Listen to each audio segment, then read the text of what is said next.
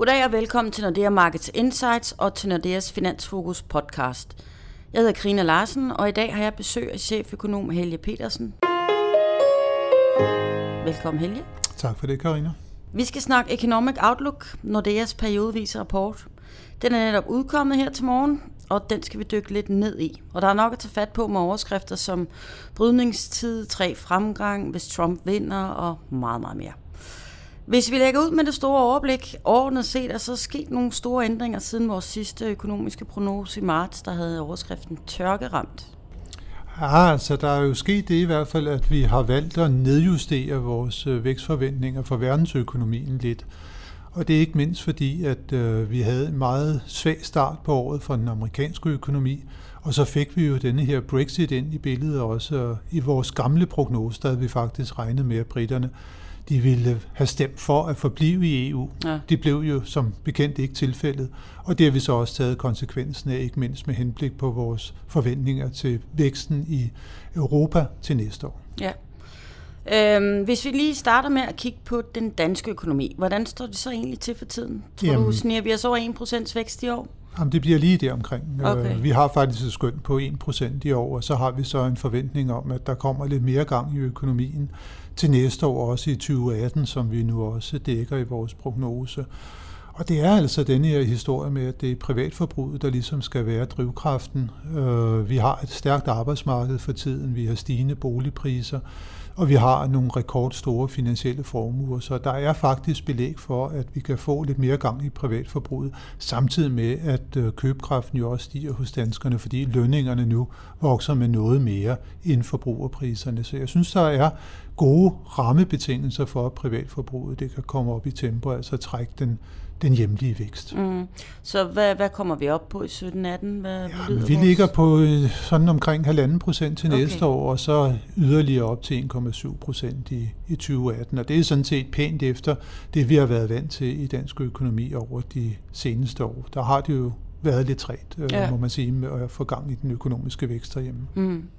Hvis vi kigger sådan lidt udenland, så er det dansk eksport også under pres fra flere sider. Men handler det også i de andre nordiske lande, eller hvordan ser det sådan generelt ud i Norden med den økonomiske vækst? Jamen der må vi sige, der begynder der nu at være sådan en tale om lidt mere vækstkonvergens. Vi har jo haft nogle år, hvor den svenske økonomi har løbet fra alt og alle. Ja. Men øh, nu ser den svenske økonomi ud til at bremse lidt op, samtidig med, at der kommer mere gang i den norske økonomi. Nordmændene har været hårdt ramt her af olieprisfaldet, men det går lidt bedre nu. Øh, og så må vi også sige, at finsk økonomi, som har været inde i en langvarig økonomisk recession, ja. endelig begynder at komme lidt op i tempo igen. Så vi ser sådan, at de her fire nordiske lande hen over vores prognosehorisont, så kommer de til at nærme sig hinanden mere, hvad angår den økonomiske vækst. Finland vil fortsat halte efter, men der er trods alt ikke tale om, at der er negativ vækst i den finske økonomi mm. længere. Så det er godt nyt, hvis det er, vi ligesom følges ad, er det, eller er det bare, om, det ser bedre ud generelt? Jeg ved ikke, om det er godt nyt. Øh, det er i hvert fald godt nyt, at den norske økonomi kommer mere op i tempo. Til gengæld så er Sverige jo vores andet største eksportmarked ja. efter Tyskland, og der ser vi altså nu, at den økonomiske vækst den begynder at bevæge sig betydeligt nedad i tempo. Mm-hmm. Så sådan det samlede vækstbillede for de nordiske lande, det ændrer sig egentlig ikke så meget. Det er mere sådan, hvem det er, der, der ja. driver væksten, ja. der har ændret sig lidt. Nu bliver det lidt mere os alle sammen, og ikke bare svenskerne. Okay. Øh, hvis vi så lige vender os mod olieprisen, den er kommet tilbage efter et dramatisk fald tidligere på året. Øhm, rekordhøje olielager har sat en bremse på olieprisen, men hvordan ser det ud? Hvad, hvad, hvad er jeres holdning til olieprisen fremadrettet? Jamen, vi tror, at øh, olieprisen kommer til at stige lidt hen over vores prognosehorisont, at vi lander på lige omkring 70 dollar tønden, og det er, at vi når frem mod slutningen af 2018. Og det er altså fordi, der kommer hen over de kommende par år lidt mere gang i verdensøkonomien igen i vores prognose. Og så er der jo samtidig sket det, at der ikke er blevet investeret ret meget i oliesektoren her i den periode, hvor olieprisen har været rigtig lav. Og på et tidspunkt, så vil det også begynde at slå igennem på produktionsmulighederne. Så der kommer vi til at se en ny balance på et højere niveau, end vi har i dag mellem udbud og efterspørgsel, altså den pris, der klirer det marked. Mm-hmm.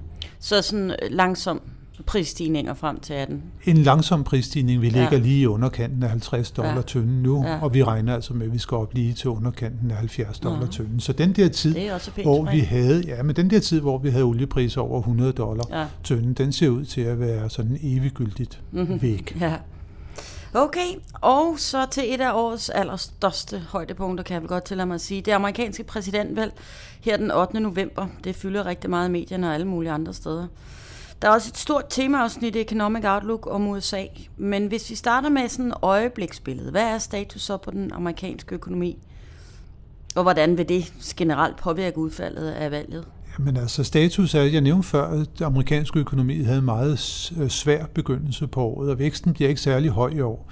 Men der er grund til at hæfte sig ved, at det formentlig kommer til at blive bedre i andet halvår end i første halvår, og det er ikke mindst fordi, at arbejdsmarkedet det jo er meget, meget stærkt. Amerikansk økonomi nærmer sig en situation med fuld beskæftigelse, og lønningerne begynder at stige. Og i USA er det helt afgørende jo, at husholdningerne har det godt, fordi privatforbruget det tegner sig for omkring 70 procent af den samlede økonomiske mm-hmm. aktivitet. Og der er der altså belæg for at vente, at det kan blive ved med at være en vækstdriver i USA. Og det er klart i en situation, hvor at arbejdsmarkedet det er stærkt, jamen der er der også en større mulighed for, at den siddende øh, præsident øh, fortsætter. Nu bliver det jo ikke Obama, men det bliver formentlig hans øh, efterfølger, nemlig Hillary Clinton fra Demokraterne, der kommer mm-hmm. til at vinde præsidentvalget, blandt andet fordi, at der er det her gode momentum på arbejdsmarkedet, og så selvfølgelig måske også fordi, at Donald Trump han i den grad er en person, der kommer, der skiller vandene. Det må man sige, ja. Så man kunne, I forestiller jer, at jo længere tættere på vi kommer på valget, der er det ligesom, der er det økonomien og fornuften, der, nej, det er jo forkert sagt, men den, der sejrer.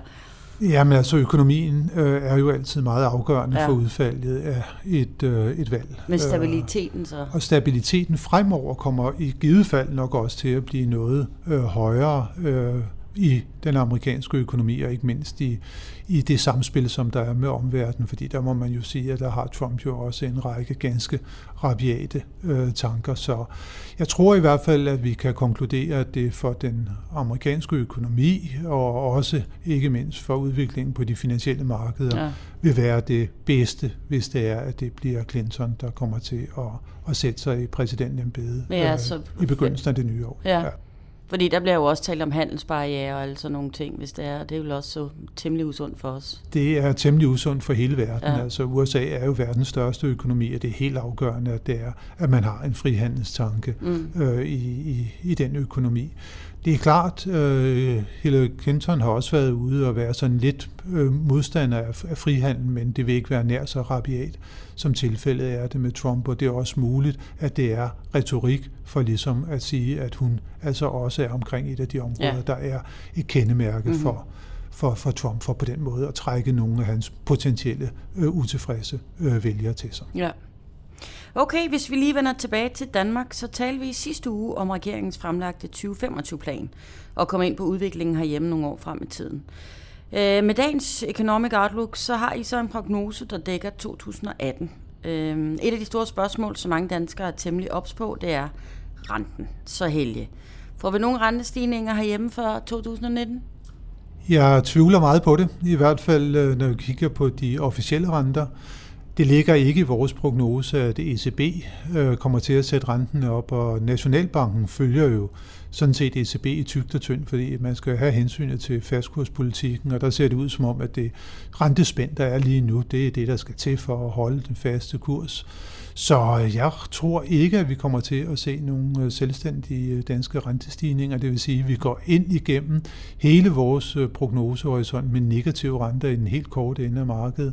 Kigger vi på de lange renter, så skal vi ikke kunne udelukke, at de kan stige lidt, fordi vi regner nemlig med, at den amerikanske forbundsbank kommer til at sætte renten op allerede i år, og der kommer flere rentestigninger, mm. og det vil få de amerikanske lange renter til at stige, og det vil være med til at trække også de europæiske lange renter op. Sådan plejer det i hvert fald at være. Ja.